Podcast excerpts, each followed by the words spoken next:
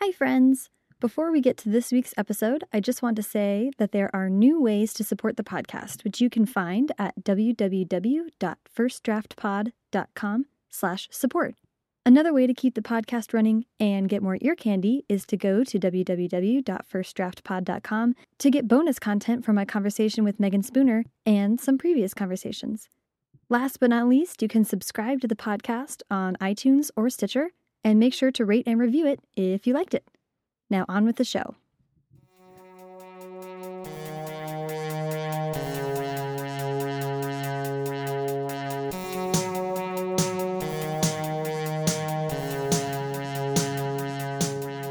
Welcome to First Draft with me, Sarah Enni. Today I'm talking to Meagan Spooner, co author of the Starbound trilogy and author of the Skylark trilogy, the final book of which, Lark Ascending, is due out October 1st.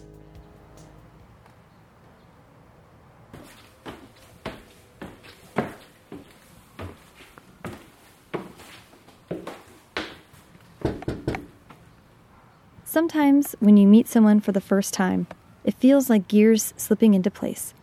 That's how it felt when Meagan and I got to chatting. I knew she was my people when I saw the globe decal on her wall. Meagan is an adventurous introvert, a girl after my own heart, whose life has been profoundly altered by place.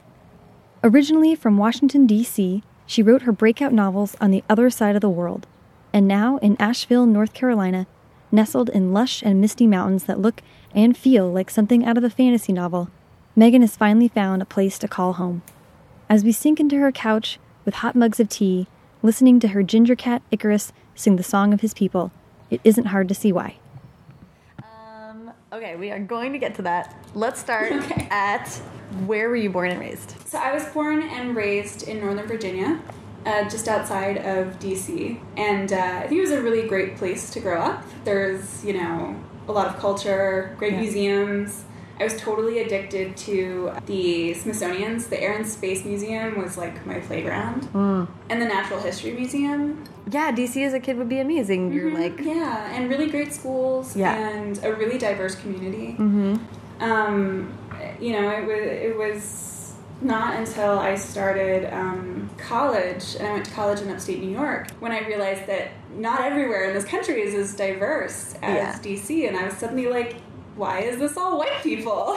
Upstate New York, yeah. Yeah, it was, you know, and I was going to like a an elite liberal arts college and stuff, so mm. I mean, the diversity factor changed completely. Yeah. Uh, and so that was like really strange to like grow up in this completely diverse, because DC is incredibly diverse. Yeah. Like, on every level. Yeah and then upstate New York is that. Interesting. so it was definitely it was like reverse culture shock. Uh, it was at Hamilton College. Oh, okay. It's near Utica, and it's sort of like out in the boonies, mm -hmm. middle of nowhere. How was how was that transition too? I mean, that's. It was good. I mean, there was a lot of stuff about college that I didn't like. Their creative writing program was terrible. Really? They only liked um, literary fiction, oh. so any kind of genre fiction, including all of YA, counting that as a genre, right. like an age category. Right. Writing professors kept trying to make me write literary fiction, mm. and the best I could do was like contemporary fiction with like references to mythology and fairy tales, right. which I thought was a great compromise. Right. They did not see it that way. I got a B minus in creative writing.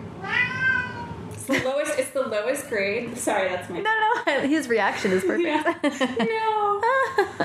Uh, it's the lowest grade I ever got in college. Wow. Was in my creative writing class, and that was what made me decide not to be a creative writing major. What did you major in instead? Uh, well, for a while I was an archaeology major. It wasn't until I actually went out on a dig one summer, and it was very cool. Yeah. But it also taught me that I don't want to be an archaeologist. like, living in the tent, the sun. I mean, I'm very fair skinned, so yeah. was, despite wearing long sleeves in the desert and a hat and sunscreen, I was sunburned the whole time. Oof. There were like scorpions and spiders, and I don't do well with spiders. And where where was it? I was in Nevada. Oh, okay. Uh, or possibly Utah. I was like out in the out in the mm. desert in that mm. area, and it was a great experience. And I am absolutely 100% glad that I did it but it also told me that that's not what I want to do. Yeah. but uh, I ended up uh, eventually uh, taking an acting class simply because I had to drop another class that got canceled due to lack of interest. And so they canceled it at the last minute, and I had to find something else. And it was between acting and um, some math class. And I seriously considered the math class because, as an introvert, acting sounded terrifying. Right. Uh, but I decided to do it because I figured it would be good for me. Mm-hmm. Uh, and it turned out that it was hands down the best thing that I ever did. Wow. Both for me as a person and for my writing career because it taught me how to project myself as a normal person and Wow. not this, you know, shy, geeky, you know, person that I was. And, Right. and, and that was really helpful. Yeah. And I ended up completely diving headfirst into the theater department and uh, ended up being a playwriting major. That's And they didn't care what I wrote about. Like my, my final play was about what happens to Susan from the Chronicles of Narnia. Oh, cool. Um, and I had never read, you know, Neil Gaiman's What Happened to Susan or any of those uh, stories that deal with Susan. So I thought I was being totally original. Uh, and I wrote a play about Susan. That's and I wrote a thesis about C.S. Lewis and his uh, issues with women, which don't even get me started, but he was he had some issues with women. Mm. But it was really fun, and you know, if I'd been in the creative writing department, I would have not been able to do any of that. And so it's absolutely the best decision I made. That's incredible. college. Did you keep Um, any of the acting involved, or did you mostly move to the writing side? Uh, I mostly moved to the technical side. I did some set building. I Oh, did cool. some directing. Um, and there actually wasn't a playwriting major at Oh, that time. Um, so I basically invented it. Gen- generally speaking, you could do the acting track or you could do the directing track. Okay. And so I kind of made a third one, and with you know the the department head's approval, I sort of put together my own curriculum with the playwriting classes and, and some of the lit classes on the English side of things Cool. that dealt with theater and uh, some of the acting classes. So I, I think I took maybe three acting classes, two or three acting classes, but it was like the bare minimum Right. of acting classes. I Right. I loved it, but I was terrible at it. Scary stuff. It's one of the very few things that I really do love that I'm terrible at. Usually, if I'm terrible at something, I don't like it. Right. much. Um, But acting was one of those things that I really loved, but it was like a love hate kind of thing Yeah. because it was terrifying. And I could never really shed my inhibitions enough to be really good at acting. It's incredible. People that can do that. And the thing is, like, when you see them doing it, you don't ever think it's weird. You don't ever think Right.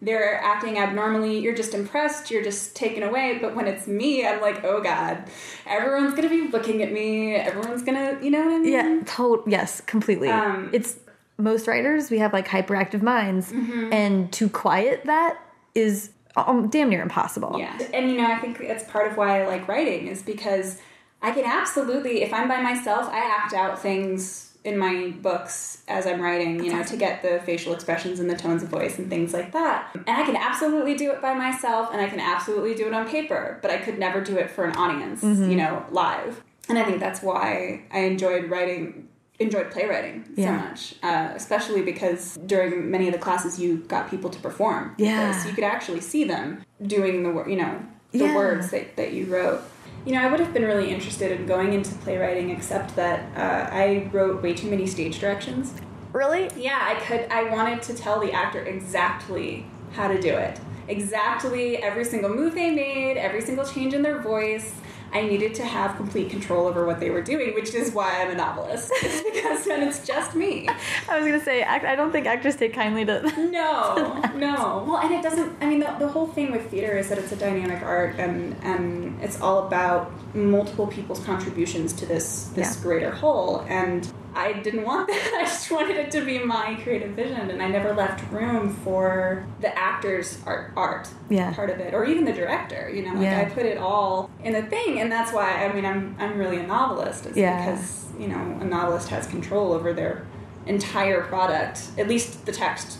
I am curious about what you think playwriting, thinking about story in that way, um, has has changed or influenced you, you as a novelist. Well, structurally, uh, I always think of my books in the three act structure um, that you learn about in, in playwriting. And you learn about it in, in fiction writing as well, but it's more pronounced in playwriting because often the acts have intermissions or, you know, it's a different scene, like it's a scene shift or a time, a, a, a significant time, time shift. You know, now it's two years later. Um, and that absolutely plays a role in my writing. I all of my um, books are very clearly divided into three acts. I mean, my Skylark series literally has part one, part two, part three. Right. Um, the Starbound series doesn't have distinct parts in that way, but when uh, Amie, my co-author, and I will talk about, you know, at the end of Act One, we need this to happen, and so Yeah. on. And I think that structural study really brings in the sort of logical part of your brain to the mm-hmm. writing process, and creativity can only carry you so far, and it tends to fail at very uh, crucial moments in the process. That's true. And so it's nice to have like another tactic that you can fall back on. And you're like, you know, if I can't come at this from an artistic, creative way and I can't figure out what happens next, let's come at it from a logical, structural way. What is it missing structurally? Yeah. And you can kind of work backwards from that and, Yeah. and fill in the gaps. Well, and I was going to say, for revisions, that's got to be. It gives you some place to start, and that's Completely. half the battle. And the cool thing is that you can apply that structure to most forms of fiction TV, movies, books. The, the three act structure is what we're most familiar with. Mm-hmm. And, and for whatever reason, the human mind likes things to happen in threes. And I think that's why the three act structure is so popular. Because Yeah. even if we aren't consciously, when we're reading or watching a movie, saying, aha, it's the second act Right. there's still a natural rise and fall of tension and climax Mm-hmm. Yeah. over three acts that we respond to. And I think to a certain extent, writers will do that instinctively, but I think when you actually learn about the structure, it sort of adds tools to your toolbox. Yeah. And uh, it lets you be more conscious about your choices and, and, and the effect that those choices will have on the reader. And I don't know if you found this, but I also think it's worked to enhance enhance the creativity in that you can say, okay, this is I know this is coming at the end of Act Two. It really does need a twist, and it makes you like, I need to think harder. I need to challenge myself more to like get deeper into this creative well. Mm-hmm. What would be the most amazing twist? And often it's already there. Like it's already in the story, but you haven't noticed it. But once you start thinking about it in a different way, you're like, oh, that, that element, that thing that I wrote 10,000 words in, that's the twist. That's the first seed. And I always really like those moments. Yeah, Where you're like, hey, I'm smarter than I thought I was. Yeah, it, they're kind of spooky writer moments where you're like, my brain is working on many levels, and Yeah. nine tenths of which I cannot see, or like, yeah, there are, there are two uh, major twists, I would say, in the first book, in, in Skylark, the 1st Mm-hmm. book in that trilogy. And one of them I knew before I started writing, and it was part of my motivation because I wanted to get there because I knew it was going to be cool to write. yeah, The other one I didn't know about until I literally I was writing it, like I was writing the reveal, and I didn't have to change a single thing. It was just there. I feel like that's that happens a lot with writers. I Mm-hmm. mean, that's not a, a unique experience. I think a lot of times we have these subconscious patterns and structures running through our stories, and Yeah. we don't notice it until you sort of step back and you look at it, and you're like, oh Yeah. hey, those are cool, cool moments. When you're writing, you have to stick to, you have to find, the small victories. because that's one day out of you know 360 that you spend writing. Exactly, they're few and far between, so you gotta milk them for all they're worth. That's champagne worthy. When did you start to sort of get that suspicion, like actually maybe I do need to move to novels? Well, actually, I wanted to write books from the time I was four years old, so Oh. it was always books for me. Uh, but I always believed that I would have to do something else to pay the bills, you know, even when I was a kid, even when I was. I love that. a child. I just assumed I would be something else, but then I would also write books. Interesting. But I thought I was going to have to be something else, like an archaeologist, um, and I wanted to be a screenwriter. Actually, in, in high school was my first um, experience with playwriting. I had a creative writing teacher who forced us to enter this uh, local playwriting contest. Cool. It was like schools from all over the DC area. They chose like six winners or something uh, whose plays would get performed by professional actors on arena stage in Washington D.C. And of course, me being who I am, I totally procrastinated and I ended up writing this this ghost story basically the day it was due and it won and so i ended up and, and the thing is you got to work with professional like a dramaturg you got to to work with professionals who could say you know this doesn't work on stage you mm-hmm. have to do something differently and so i think that's really where that that screenplay mm. kind of obsession came from it was the first time somebody who had absolutely no knowledge or interest in me as a person it was my first time having somebody say that I could write. It was validation Yeah. from from outside, not from a teacher, not from a parent, not Right. from a friend. And that was really that was really pivotal. Pretty- that and fan fiction, because I always I, I used to write fan fiction and post it on fanfiction.net, and and those are strangers. The Right. who comment on that have no idea who you are. Fan fiction. Oh, we have to talk about this. Mm-hmm. What were you writing? What were your fandoms? Uh, in, in high school, I was super into anime. Oh yeah, okay. And so I wrote a lot of anime and video game fan fiction. what were your games and Uh. Final Fantasy was my my Mm. video game drug of choice, Mm-hmm. and all of them. I was particularly into Final Fantasy VIII, but I love video games. The storytelling in video games is phenomenal. You know, when you write for video games, you don't just write the script. Uh, which I didn't know until I started looking into it. Uh, You you also write the setting. You you tell the the artists who design the backgrounds your vision for that. You tell Wow. about the character design. Obviously, the the artists have control over that, Right. but the writer contributes to it in order to create this cohesive world. Um, I wrote reboot fan fiction, which Oh. wasn't anime, but it was a, a cartoon on um, Toonami. Yeah, yeah, yeah. Back when I was in when I was in school, a really I think formative thing for me, Yeah. and I, I totally watched it against my parents. Like I would come home and, and sneak in like an hour or two watching Toonami before they would come home. Interesting. Mm-hmm. And I like got to recognize the sound of the garage door opening so that I could sh- turn the. It was very important to turn the TV back to the channel it was on Yes, before I right. changed it to Toonami, turn it off, and run upstairs to my room where I was working on my homework. Oh my god, that's amazing. It was always that way for us, and I'm actually quite grateful for that. I think that I, I it's possible I wouldn't have been as into books if I'd been watching TV and, and Yeah. being distracted by all these other kinds of input. But I don't know that for a fact. I mean, I think I would have loved books no matter what, but um, Were they were was there a lot of parent input into what kinds of books you could read, or were they? they didn't care what I read. In fact, um, I would often raid my parents' bookshelves, the bookshelves of books read by grown-ups. Right, So I right. read um, Stranger in a Strange Land when I was pretty young. Um, I read Contact uh, by Carl Sagan when I was, I think, eight or nine, and didn't understand everything, obviously. Right. But you know, what I did understand was mind blowing. Yeah. And um, I only found out about this much later, like in the last few years, that my mom was actually planting books in that bookshelf because she knew that I was taking books. Because I never told them. I would sneak in and take the book and read it because it was always illicit and. Yeah. sometimes there'd be sex in them and sometimes there'd be cursing and Yeah. you know it was very exciting for me but she was planting books that she knew i would like. And that's actually how i read the giver for the first time. Wow. i think i was eight for the first time. And granted it is a kid's book so i mean she could have just handed it to me. But because she put it on the shelf and it was dangerous and it was secret you know i, I grabbed it and i devoured it. And the dragon riders of pern series by anne mccaffrey Oh, was another yeah. one that i got from her bookshelf. They did not care what i read as long as i was reading. Mm-hmm. And there was absolutely no restriction on that That's awesome. no censorship, no nothing. Mostly because I think they knew that if I had questions, I would bring them to them. Right. Um, and I think that was an an important part of my childhood was, Yeah. was coming to my parents with questions about what I was reading. Because I, I wouldn't ask them about things otherwise. Right. Uh, books were really the way that we communicated about things. That's the kind of stuff that'll make make books your the, the force for life. You know. Absolutely. I love that your mom was doing that. Yeah, I, I, you know, I, I can't remember how we got onto the topic, but I was talking about how I used to raid her bookshelf, and and she was like, "Oh yeah, yeah, I put that one there for you," and I was like, "What? what? Really?"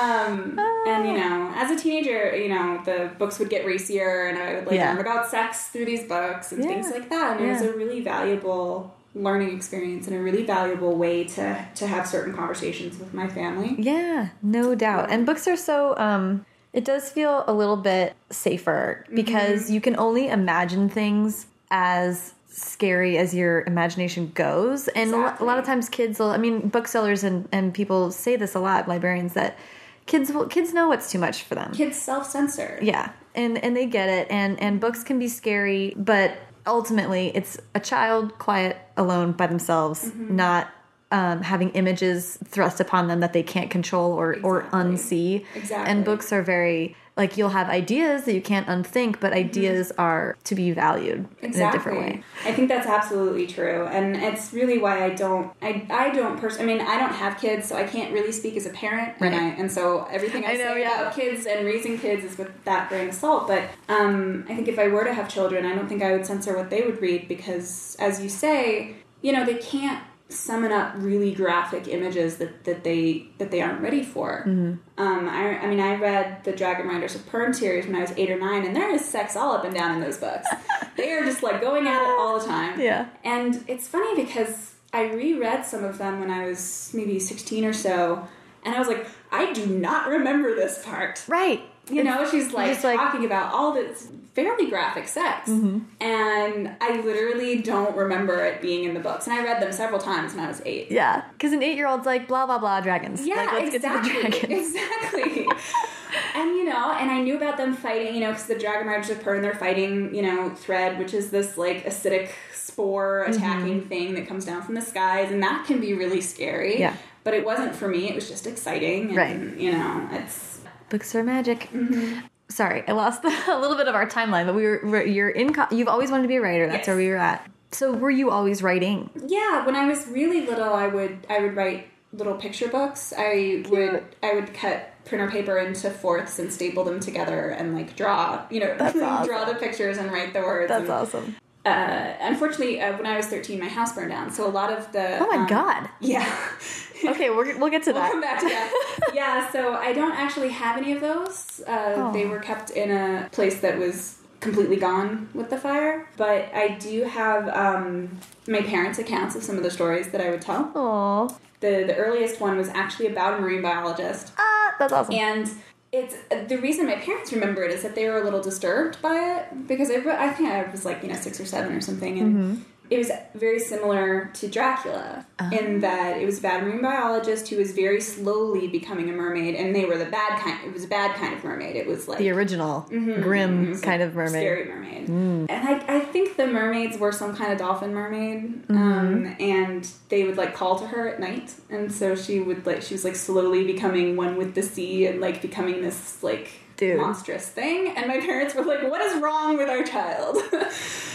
um, That sounds like an awesome story. yeah, it's one of those things that someday I'll probably revisit it and- and, see if it could be I a love novel. Um, but I, I wrote fairy tales basically and fantasy Cool. stories even from a young age. But it wasn't really until I started writing fan fiction that I started really writing long form narrative stories with you know novel like aspects. You Yeah. know, the characters, the plot twists, the so on. You know those kinds of Yeah. things. I, I, I and that was really when I was 13, 14. So you were active on like on, within a writing community pretty early then. Yeah, and you know, as writers, we're often asked, you know, what's your advice for aspiring novelists? And you know, everyone's top advice is to read everything. Right. That's the, always the first thing that, that writers say. It's the first the first advice that comes spilling out of us when we're asked that question. But the one that I consider to be my personal advice that that's you know different from that sort of overarching advice is get used to sharing your work as young as humanly possible. Yeah. And if you can, share it with people outside your family. Mm-hmm. Because there is a difference between, even when you're young, Yeah. between uh, sharing it with your mother or your sister or brother Yeah. versus a stranger on the internet. Yeah. And I mean, when I was, this was, uh, I guess, around the year 2000 Mm-hmm. or something, and everyone was way more cautious about the internet. back Yeah. Oh my gosh. Yeah. Because everybody thought that if you posted any kind of anything, a predator You were gonna end up on Dateline. yeah, Yeah. and and that, I mean that happens. Yeah. and that's why parents were so freaked out about it. But I was part of a role playing community online. I was part of this fan fiction community. I spent a ton of time on the internet, and my parents were like really concerned about me because most of the people in these communities were older than me. And some of them I lied about my age because they wouldn't take a thirteen year old seriously. Right. But obviously, I never got into any, any kind of trouble Yeah. that way, and it was invaluable for me as a writer. It made me, it gave me a kind of confidence, I think, very Mm-hmm. early on, that I had stories to tell that other people would find interesting. Yeah. And that's a pretty pivotal moment, I think. And do you Um, feel like also the critique aspect? Were you part of like a of people giving you critique as well, or was it just sharing? on fanfiction.net every so often you would get you know a critical one but it was not the kind of in-depth critique that's really helpful for developing voices but i think the first real critique that i started receiving was when i took a creative writing class in, in high school and i had a teacher who would Cool. you know but even her stuff was not very critical um, but she was like very compared now, you get an Oh, edit letter and it's not. yeah, the first real like heavy duty critique I got was when uh, it was after college, and I had been considering doing an MFA, but I, I really didn't want to after my experience with creative writing in college. Yeah. Um, I mean, there are MFA programs out there that are very accepting of genre fiction. But I didn't really know that then, Right. and I just I wasn't sure I wanted to commit to that. Yeah. And I ended up taking a, um, a six week sort of intensive writing course uh, called Odyssey Writing Workshops. I've heard of that, yeah. Mhm. It's a little Clarion is the more well known one, and it's very similar to Clarion, and that was eye opening. You know, it's embarrassing to admit this now, but uh, when I first applied, I thought, well, I already know how to write. All I need to know is how to get published. Mm-hmm. And it was a six week program, the last week of which was about the industry. so I was like, I'll just like coast through the first five weeks Yeah. because I already know how to write. And you know, it was that little arrogant part of my brain. Oh, was yeah. like I totally already know how to do this. What I knew about writing was instinctual. It was not conscious. It was not deliberate. And Odyssey taught me, gave me the toolbox. You know, it, it Yeah. gave me the conscious, the way to think about things consciously. And uh, yeah, my delusion lasted about twelve hours after I arrived because everyone there was a, an amazing writer.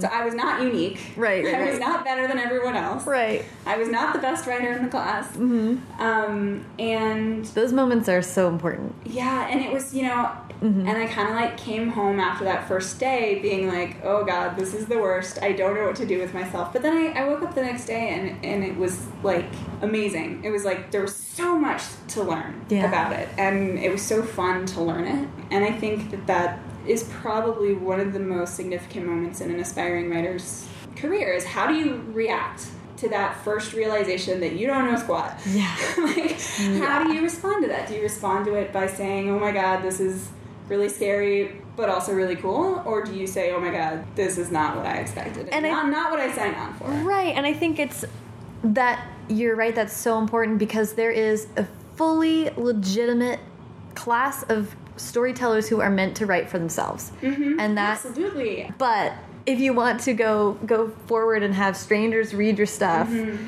yeah, you do have to have that moment of realizing all that you don't know and then preparing yourself to tackle it. Yeah. and, and writing is one of those things where the more you learn, the more you realize you don't know, and that never goes away. Like I mean, I think that you know, on on on the aspiring side of the sort of publication divide, I think you tend to think that once you get published, once you've learned all the, all the things, and mm-hmm. you get published, then you're good, which is like could not be further from the truth. Because the more you learn, the more you realize you don't know anything. You know, the more you have to know enough to know that you know nothing. Yeah. It means that it never gets old and it never gets stale. Terrifying and exciting. Um, let's talk about your house burning down. Okay. What in the world happened? Uh, well, I, it was when I was uh, 13, and there was a problem with like the circuit breaker. Okay. It was faulty wiring or something, and uh, it happened in the middle of the night. So we were all home, we were all asleep. It broke out inside the walls in, in the insulation, so it actually traveled the entire side, one side of the house before it came out of the walls Oh and set off the alarms. Oh my god. So by the time the alarms went off, the entire like section of the house was up in flames. And uh, the thing that was really scary was that my sister and I didn't wake up from the fire alarms. I mean, we were both teenagers, Yeah. heavy sleepers, right. and Oh, uh, and we didn't even wake up. My parents had to come get us. And I just I have this very distinct. I mean, a lot of what happened that night is kind of hazy, uh, from shock and from you know being woken up in the middle of the night and all of that. But uh, I have this very distinct memory of my dad coming in, waking me up, saying, "We got to go right now," you know, and, and and I like walked out of my room. I came out of the hallway, and luckily we had two staircases at either end of the hallway. Wow. Because one of them was completely engulfed in flames and would have had to jump out A window a window. window in the second story window. And so, you know, before turning right to go toward that staircase, I turned my head to the left and it was just this wall of flames and like I could feel the heat like as a as like a force. Like Yeah. it, it wasn't just a temperature, it was like a tangible force. And it's, it's this very distinct like split second memory. Like Yeah. if I close my eyes, I can see it like I'm looking at a photograph. And feel it. hmm Uh, but we were all fine. Uh, All the whole family made it out okay. We did lose our cat in the fire, but um, our bird made it out. My dad went back into the house to get our bird. Wow. Um, yeah, and the and the firemen were heroes. I mean, they were Yeah. there. Somebody, uh, our neighbors across the street, saw the fire and uh, called the fire department wow. because we uh, by the time that we were all awake and stuff the fire was already like crazy whatever and i think my parents called but I mean, you're not focused on calling when you're trying to get out of the house. No, especially when you've got children. Oh my God, yeah. You're just trying to get them. And I just remember standing there. I don't remember exactly what my dad was doing. It may have been when he went back in to get the bird. But I just remember standing there with my mom and my sister, and we're all in our nightgowns, and we're like up in the yard, sort of up the hill, and just like like looking down at our house, you know. And it was just this like really odd. I mean, I don't personally have any like trauma or anything that resulted from it, Mm-hmm. you know. Um, in fact, I used to have tons of fire related nightmares before that happened, and I've never had one since. Really? Yeah. Oh, that's kind of mystic. it is. Like maybe mysticism my type. dreams knew what was coming. Weird. But I actually think what it was was that it, it happened and it was like horrifying and nightmarish, and we all survived. And Yeah. so there was no reason to be afraid of it anymore. I actually think that's why fantasy and fiction is so appealing, is because it allows us to rehearse our fears in a safe setting. And I think that's why people read, and I think especially young adults who are learning for the first time that the world is is a lot bigger and scarier and more horrible than they had any idea of when they Yeah. were kids. So so we have this dark fiction that allows them to, to sort of explore those fears in such a way that they are not in any actual danger. Yeah. I talked um, to Claire Legrand and, and a couple other um, horror Mm-hmm. writers about that, about the appeal of horror to young, Yeah. Mm-hmm. especially young adults, like ki- and and young kids, really young kids are reading like Shel Silverstein's not. I mean, there's some creepy shit in that, I and remember uh, being really scared by the West Side School. oh, Wayside School. Wayside School, Yeah. yeah. Um, Yeah, that's weird stuff, too. There was like a principal. It's been a really long time since I read those books, but there was like an evil woman principal who like died or whatever. But then she like comes back in like the lunch, sh- like her Oh, face appears Ooh. in like the mashed potatoes or something. And it sounds ridiculous when I say that, but that scared the crap out of me as a kid. Yeah, well, like, and Goosebumps and Are You Afraid of the Dark yeah. and all these things. in a dark, dark room. That was one of those key little kid books about scary stories. and they just help i think kids have this looming sense Mm-hmm. that there is something i mean of course they do because they're kids and they're discovering new things all the time and some things end up being uh, really not what you want them to be and so you, there's always this sort of this vague sense and i think horror stories are like let's talk about what would be the worst Yeah. and give you some some skills to, to try and cope with it. I think that's a really really good point. Yeah, I actually find that my younger readers are the ones that are most enamored of the dark, the darkness in my books. Uh, one of the earliest fan letters, fan mail that I received was from an eight-year-old who had read Skylark, and um, I'm not sure I would have handed that was gonna book say, to an eight-year-old. that's pretty early. I would, I would worry about them having nightmares and then their parents coming after me. Like I think the kid would be totally fine, Right. But I would worry that their parents would. But so this girl, she's eight years old, and she wrote me a letter on just like a piece of printer paper saying, I liked your book, you know, That's the way eight year olds do. And she drew me a picture of her favorite part of the book. Uh, she was talking about a scene in which my main character is essentially being tortured. She's like strapped down to this like machine and she's having the magic ripped out of her and it's like the most agonizing thing that has ever happened to her and mm-hmm. she's basically going insane strapped to this table. Wow. And that's what this eight year old girl draws me a picture of and says This is her favorite part favorite part of the book. And so I'm sitting here looking at this and I'm thinking, you know what, either you are a budding sociopath or you're going to be a writer you know? Because i'm thinking back to that six year old me who's writing stories about you know evil mermaids and this woman who's like slowly becoming a monster. Right.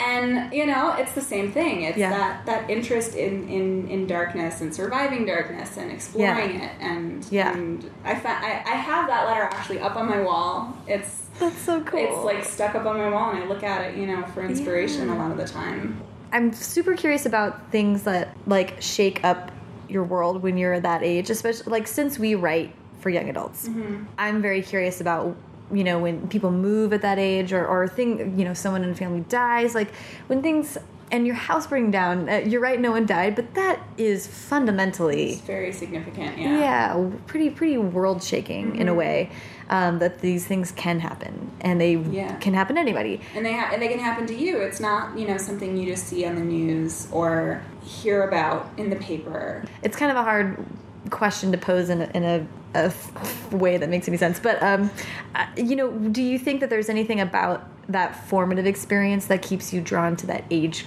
as as a way of looking at the world?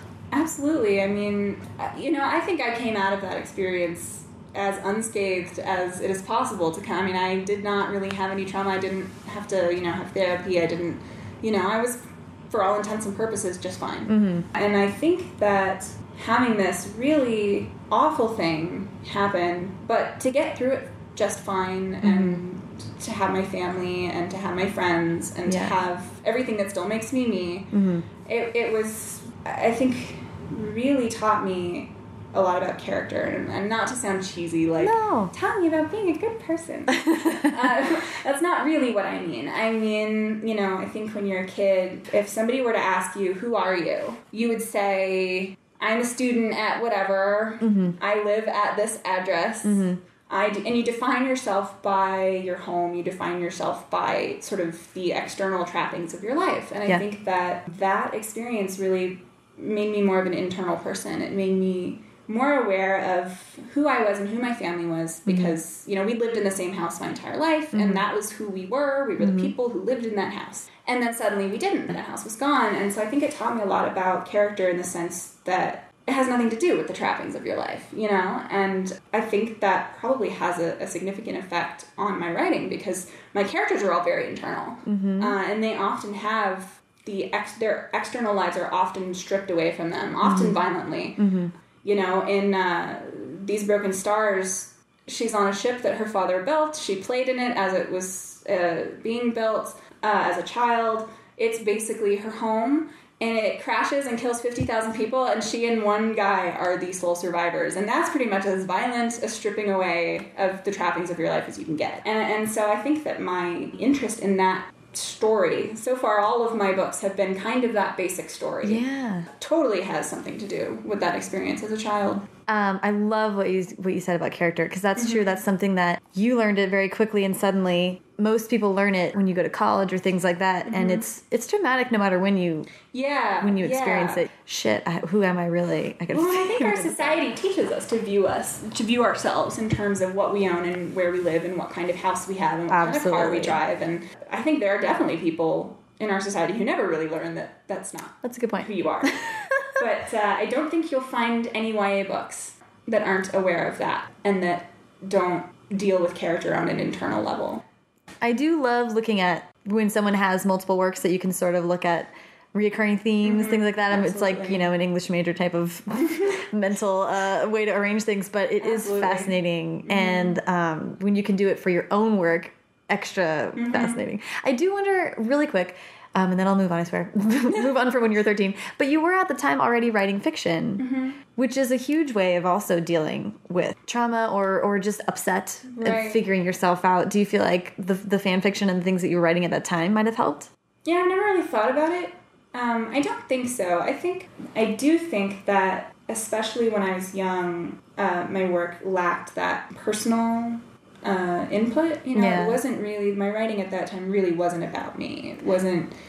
And how could it be really? There was. It's not, Yeah. there's just not enough experience Exactly. yet. I mean, the aspiring writers always get that write what you know advice, and I think that we often take it to mean that people are telling us we should only write about high school, or Right. we should only write about, you know, I play soccer, so I can only write about soccer. But it's about drawing on, on personal experiences and emotions and, and developments in your character, and I just hadn't really had any. And I wasn't really ready to write about that sort of stuff, so I didn't really look inward enough to, to do that. It wasn't really until my 20s when I actually decided I was going to be a novelist that I started to, to do that. And I think that makes a huge difference. I think that is one of the things that separates amateur fiction from professional fiction is that ability to link what your character is going through emotionally to some something that may have been traumatic for you Yeah. and difficult for you to write about. it kind of has to hurt Yeah. a little bit Yeah. to write It's- something. Who was it who said uh, writing is easy? You just sit down at a keyboard and bleed. yeah, and open a vein or I, yeah, I yeah, yeah. who. I think that I, I can't remember who it was, but well, I should know who it is because it's one of my favorite quotes about writing. But, I know I should know it too. Um,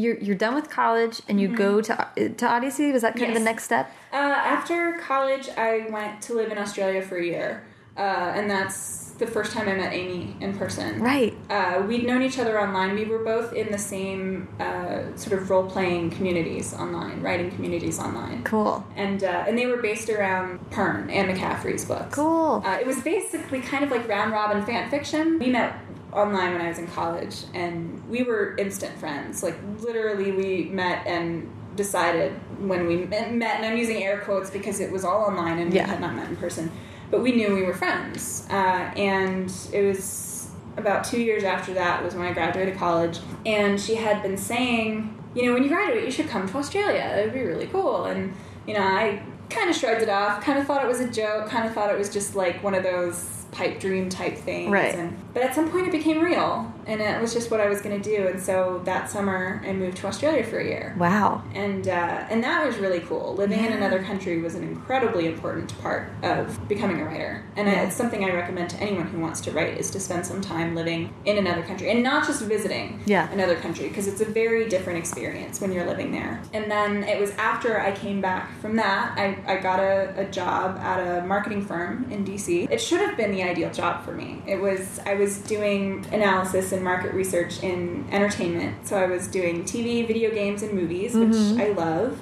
And my job was basically to like go through chat rooms and forums and see what people were saying about movies and kind of like quantify that and like put it into reports that the creators of these shows could use in some way to Interesting. to, to, to market their work. But Yeah. I was miserable. You know, it should have been perfect for me, and Yeah. I hated it. And that was really what made me go. You know what? I have to try to be a writer because that's that's what I really want to do. Yeah. And so I did exactly what you're not supposed to do, and I quit my job and I went to um, this six week Odyssey course. Mm-hmm. And then after that, I moved back in with my parents. Mm-hmm. And I spent a couple of months feeling really sorry for myself because it was like everything I thought I knew was a lie. I.e., I'm not an amazing writer that I thought I was. I'm not, you know, guaranteed to be published. I'm not, you know, this is something that I'm gonna have to work really hard at. And I'm Right. gonna have to have the right story and I'm gonna have to work really hard at it and it's not just gonna like happen overnight. And there was almost like a grief process with that. I had Oh to let God, yeah. go of my vision of how I thought it was gonna happen. And it, it took a while. Yeah. It took longer than I'd like to admit. I think it took like five or six months. It, it took a while. And then I got the idea for Skylark, literally like overnight, the Really? entire book. And I just decided that that was going to be the. I had never finished a book before I Ah. wrote Skylark. I'd never written more than maybe fifteen or twenty thousand words of a novel, and uh, I just decided that was the idea that I was going to run with. And I uh, talked it over with Amie. Knowing me as she does, she says, you know, you're going to have to come up with a way to hold yourself to this so that you work on it. Mhm. So we agreed to do a daily word count, and Cool. she would hold me accountable. And I would send her my words every day, and and so we did that for like a month or two. And uh, she read like I think the first or second chapter, and I and I at that point was like, you know, I'm really gonna have to go get a job because I can't live with my parents. Like I'm not designed for it. I mean, it works Right. for plenty of people who are like rediscovering their lives to Mhm. like. But I could. I, I love my parents, but we get along a lot better when I don't live with them. And uh, and so I was like, you know, I'm really gonna have to get a job, and so I'll probably have to put this book on hold and blah blah blah. And Amie goes, move back in with us for a year in Australia, Wow. live here, write your book, and if in a year you haven't sold it, move back to America and get a job. By the time that year was up, I had sold the trilogy, and uh, Amie and I had started writing These Broken Stars, and a few months after I moved back to the US, we'd sold that trilogy. So a year after she asked us asked me to move in with her, I'd sold six books. Wow. So it was really that opportunity that I needed. Yeah. Um, but I had to come to that decision first. You know, I had Yeah. to come to that realization that it wasn't going to be easy. yeah. So even even though my story really is relatively easy compared to a lot of others, it still required that mental shift. Yeah. I think that's like a really hard step to take. To know that it's not that you are not a special snowflake, that you know your story is not going to be a Cinderella story in any sense other than the fact that you're going to have to do a lot of hard work. And I think so many of us define ourselves by our desire to be writers, to be professional writers. And uh, it can be really scary to know that you are embarking on a journey that might destroy that part of yourself. And that's like really frightening. Like I'm getting emotional just talking about it because I, I know how scary that is. Yeah. Like I remember it very clearly. That fear and depression. I mean, there's like a it is a grieving process. You you know you denial. Yeah. No no no no. This only applies to everybody else. I'm Right. so special. It's totally fine. Right. You know, anger where you're like pissed off at every other author who seems to have it all without even trying because you don't know what's going on with them behind the scenes. You know, Right. you see like I was was super angry at Christopher Paolini because he was published when he was so young because his parents were publishers and so pissed that Yeah. he got everything and why were my parents lawyers and not publishers? you know, which is absurd. Nobody's born realizing how hard it's going to be. you know? no. Everyone has that period where they think that they are going to be the person who just gets plucked out of obscurity. I have this memory of reading Stardust by Neil Gaiman. Oh, yeah. one of my absolute favorite books in high school, and I finished it at like three o'clock in the morning, and it was totally what you know everybody on Twitter these days calls book hangover. Yeah. I remember sitting there like clutching this book like to myself, tears running down my face because I wanted to do that. Yeah. I wanted it so badly. But for some reason, I never actually finished a novel when I was in high school. I never, but I still had this why aren't I published yet? Why isn't this happening for me yet? I need it to happen right now. but it was still this like belief that somebody was just going to show up on my doorstep one day and be like, "You're brilliant. Write us a book." Right, right, right, right. You know? Well, And- and, and I think there's an element. We talked about kids self censoring. Yeah. I think there's an element of you didn't know you you knew you weren't ready. Yeah, I absolutely believed that I was not ready to write a book until I got the idea for Skylark. I'm actually really, really glad that I didn't try before Mm-hmm. then because I think I don't think I would have been published. Like, I don't think I would have a written a, a book good enough, and, and b I don't I would not have had the same layers of defenses against rejection Yeah. and, and and willingness to to stick out the long process of querying and Yeah. submission and all of that stuff because it's it's a bitch. It's- Yeah. it's really it's not a pleasant thing and i mean the, the worst part is that getting an agent is so hard all on its own and the second you get an agent you're up against the exact same struggle Yeah. Yeah. you know you don't even get a a breathing period. Yeah, It's like you right. turn around and your agent's like, all right, let's go. And you're like, really? But I And then more rejections roll in. I just achieved that. I have to go back. You've lived in Australia for two significant Yeah. periods of time. Yeah. I think you've also been tons of other places too, right? Yeah, I travel a lot. My my family, rather than like spend their money, their disposable income on like TVs or a big house or a pool or mm-hmm. whatever, which those things are great. Mm-hmm. But my parents, for whatever reason, they were they wanted to travel the world and they wanted to bring my sister and I. So when I was very young, we went to like Club Med kind of places Yeah. because you know places with built-in childcare. Yeah. So my parents could go off and like you know have a vacation from us. But starting when I was about ten years old, we started doing different kinds of vacations, mm-hmm. and the the first one that I remember really distinctly was from when I was around 10 or 11, and it was a cruise around the Mediterranean. And I was already at that point absolutely obsessed with Greek mythology, and I knew more about, about Greek mythology than anyone else in my family. I wanted to read it all, I loved it. And there was this like visceral sense of wonder at seeing all these places. Going to Crete in particular was amazing. Yeah. Because, you know, the story of the Minotaur and all of these assorted legends that spring out of the maze and, you know, Icarus and Daedalus and Yeah. all of those characters. And here I was standing on the island that created this myth. It was this connection to the story that I'd never really had. There was also a, a storyteller on board the ship, a professional performer, storyteller. Wow. and he would um, do these which in hindsight i now sort of see as guided meditation as part of like the kids program. He would do these sessions where he would like walk us through a story with our eyes closed and he would say you know you you turn the corner and you see a door. But we would you know everyone's door that they saw would be different. It would be the door that they imagined. And then what was on the other side of it was what we imagined. And and it was definitely a vacation about storytelling about myth and the birthplace of myth and gods and goddesses and you know the dark places from which spring these stories Yeah, and yeah. um That's incredible. and so it was age 10 or 11 that I discovered that travel reads stories. And so, absolutely everywhere I go, whether I'm driving five minutes down the road to, to walk around the gardens on the Biltmore estate or whether I'm flying around to the other side of the world to see New Zealand. Yeah. Yeah. it's, it's, it's all the same. It's the sense of place and the story that is associated with that sense Yeah. of place. Yeah. Um, when, when new ideas for books come to you, is setting first and foremost is setting a huge part? How, how does setting play into that part of your creativity?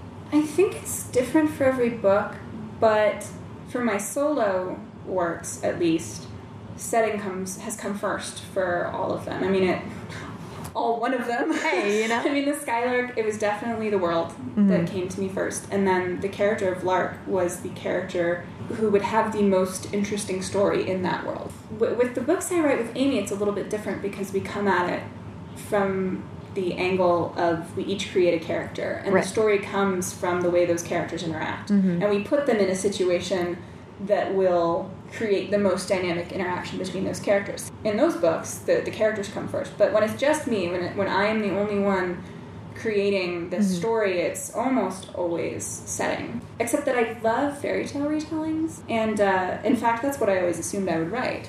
So, in that sense, the story comes first, the plot comes first. Mm-hmm. Yeah.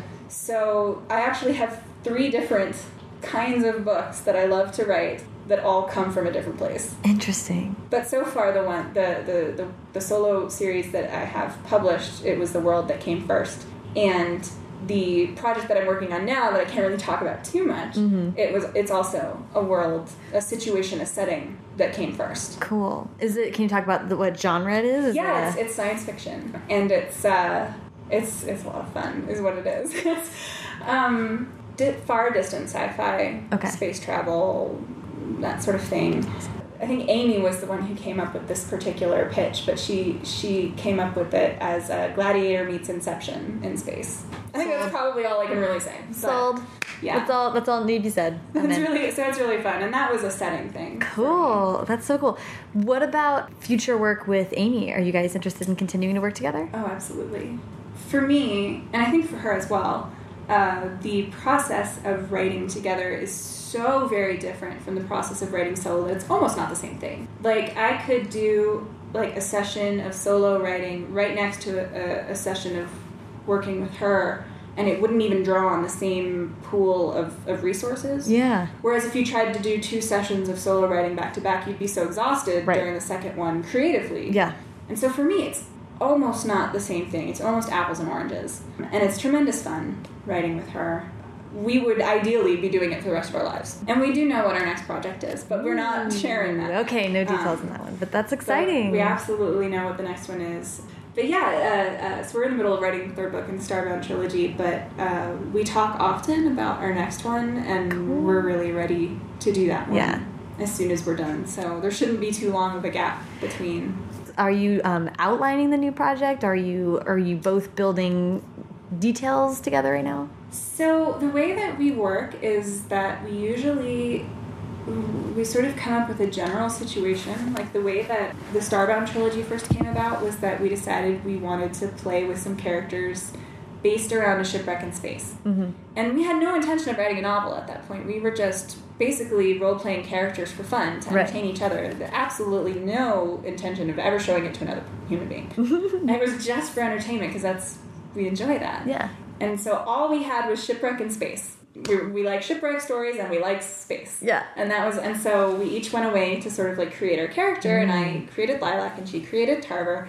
And then we sort of came back and like threw them together and our intention was that we would just play with these two characters until we were done, until we were bored of them. Mm-hmm. And then we would like move on and find a different pair of survivors and like tell a different story based from this same shipwreck. But the thing was, like a year later, we were still playing Lilac and Tarver because they were so much fun. Yeah. It was after I had signed with my agent, but we said, you know, if we're still interested and excited and entertained by these people, like a year later, maybe other people would be too. Maybe we should try making it a book. Uh, it was after uh, we met a pair of writers, Delia Sherman and Ellen Kushner, who live in New York City. They were at they were in Australia for uh, Worldcon when it was in Melbourne, and uh, they write together, and they're married. Yeah. and they still like each other. Yeah. Because like our fear was that if we tried to write a novel together, it would be so stressful that we would like hate each other and it would tear us apart and blah blah mm-hmm. blah.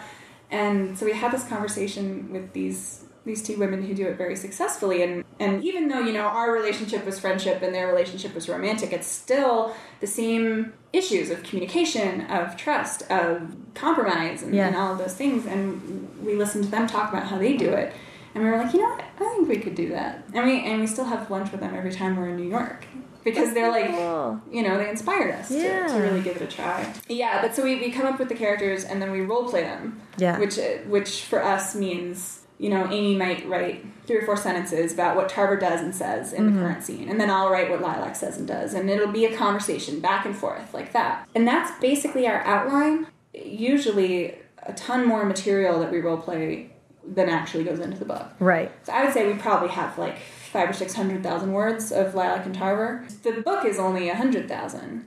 Often it'll take us, you know, a very long scene to get all of the, the meat that we need to like pull out and put into the final product, but Right. that gets much condensed because it took us a while to like circle back around to what, what was really important. So we're not quite yet at that stage with the new project, but we we know our characters and we know the setting, but we haven't role played them yet because we're still writing our characters for book three.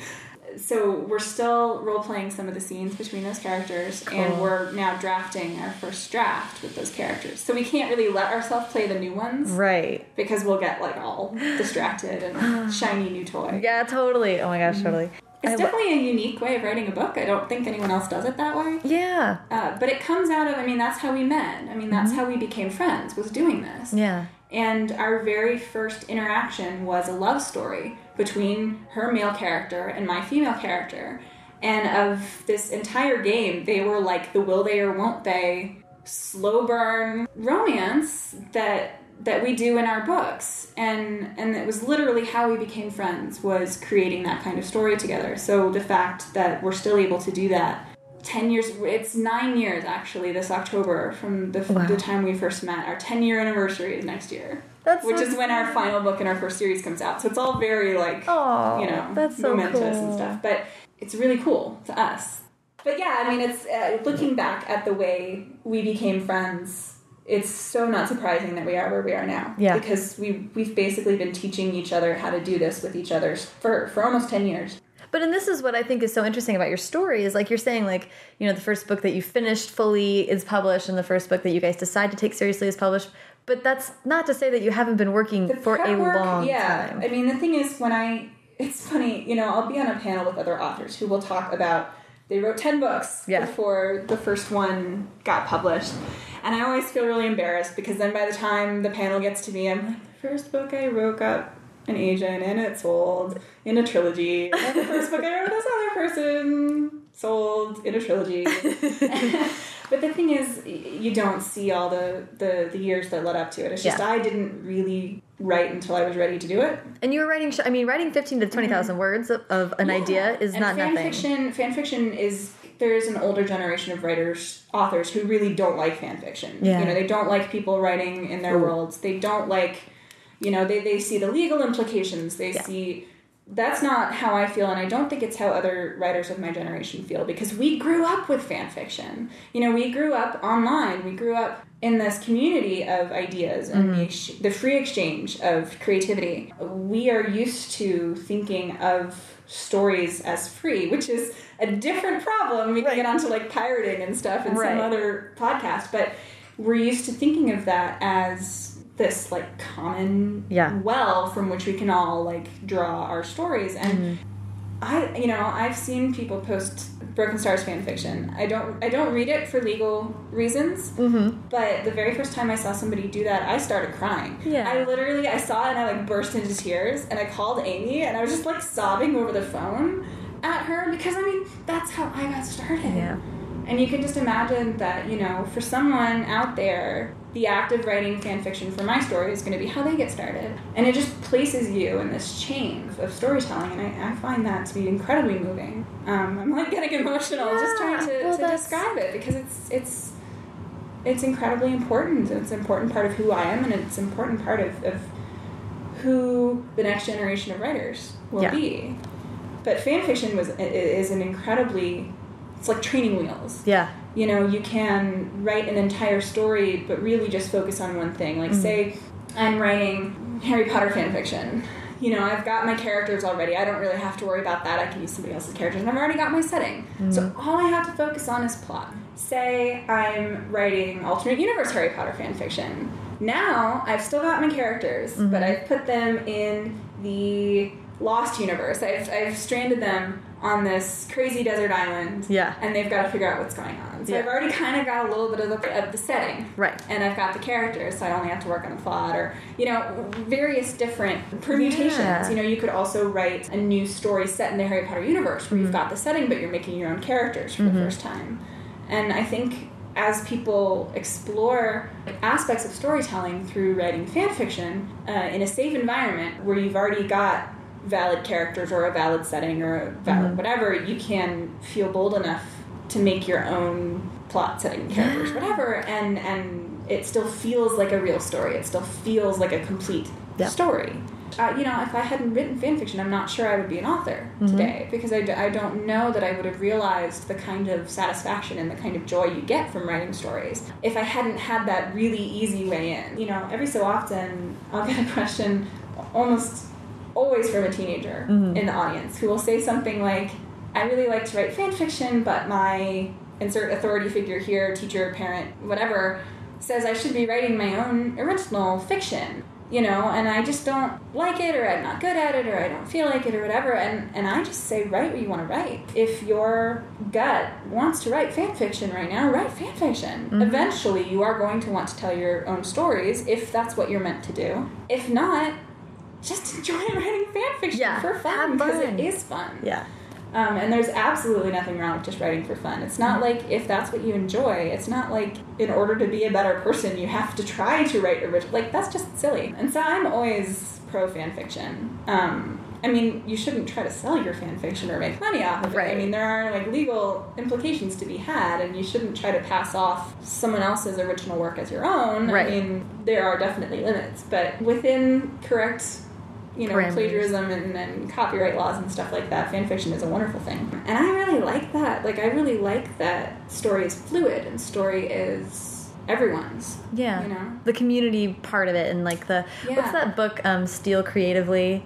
But it's just this whole book about acknowledging the fact that all art is culled from is someone taking your inspiration and, and that what's unique about it is that we as people are just bundles of very unique experiences mm-hmm. and No two people have had the same experiences, and no two people can tell the same story the same way. exactly I mean, if you gave someone literally all the elements of Star Wars or Yeah. Harry Potter, say they took you in a room and they gave you all of those pieces, and they took me in a room and gave me all of those pieces, I don't even think you would necessarily recognize them, the finished products, as having come from the same place. Tolkien has a really amazing quote about that um, that I think was a response in an, an interview, and I'm going to have to paraphrase it because it was a long, a long quote, but he, he was talking about creativity, the place that you get story. Yeah. Uh, he was comparing it to a forest, and he said that you know all of these ideas come from what he called the leaf mold of the mind, the the compost of the mind. You know, the, the mm. forest floor, which is comprised of all of these little pieces pieces of things you've seen things you've done things you've heard said mm-hmm. r- imagined over the years and it all gets sort of broken down by your mind into this rich fertile compost and out of that compost springs the, the plant the Yeah. story the, the, the thing that grows in, in, in your mind forest yeah and it's unique because the, the things that are feeding it, the nutrients, are the things that you experienced. Yeah. And no two people are going to have the same makeup of, of compost Yeah. in, the, in their minds because everybody sees things differently. Yeah. Um, Which is why story is timeless and consistent throughout every age and every people and every and what keeps it so interesting. Yes, I Um, agree. That is awesome.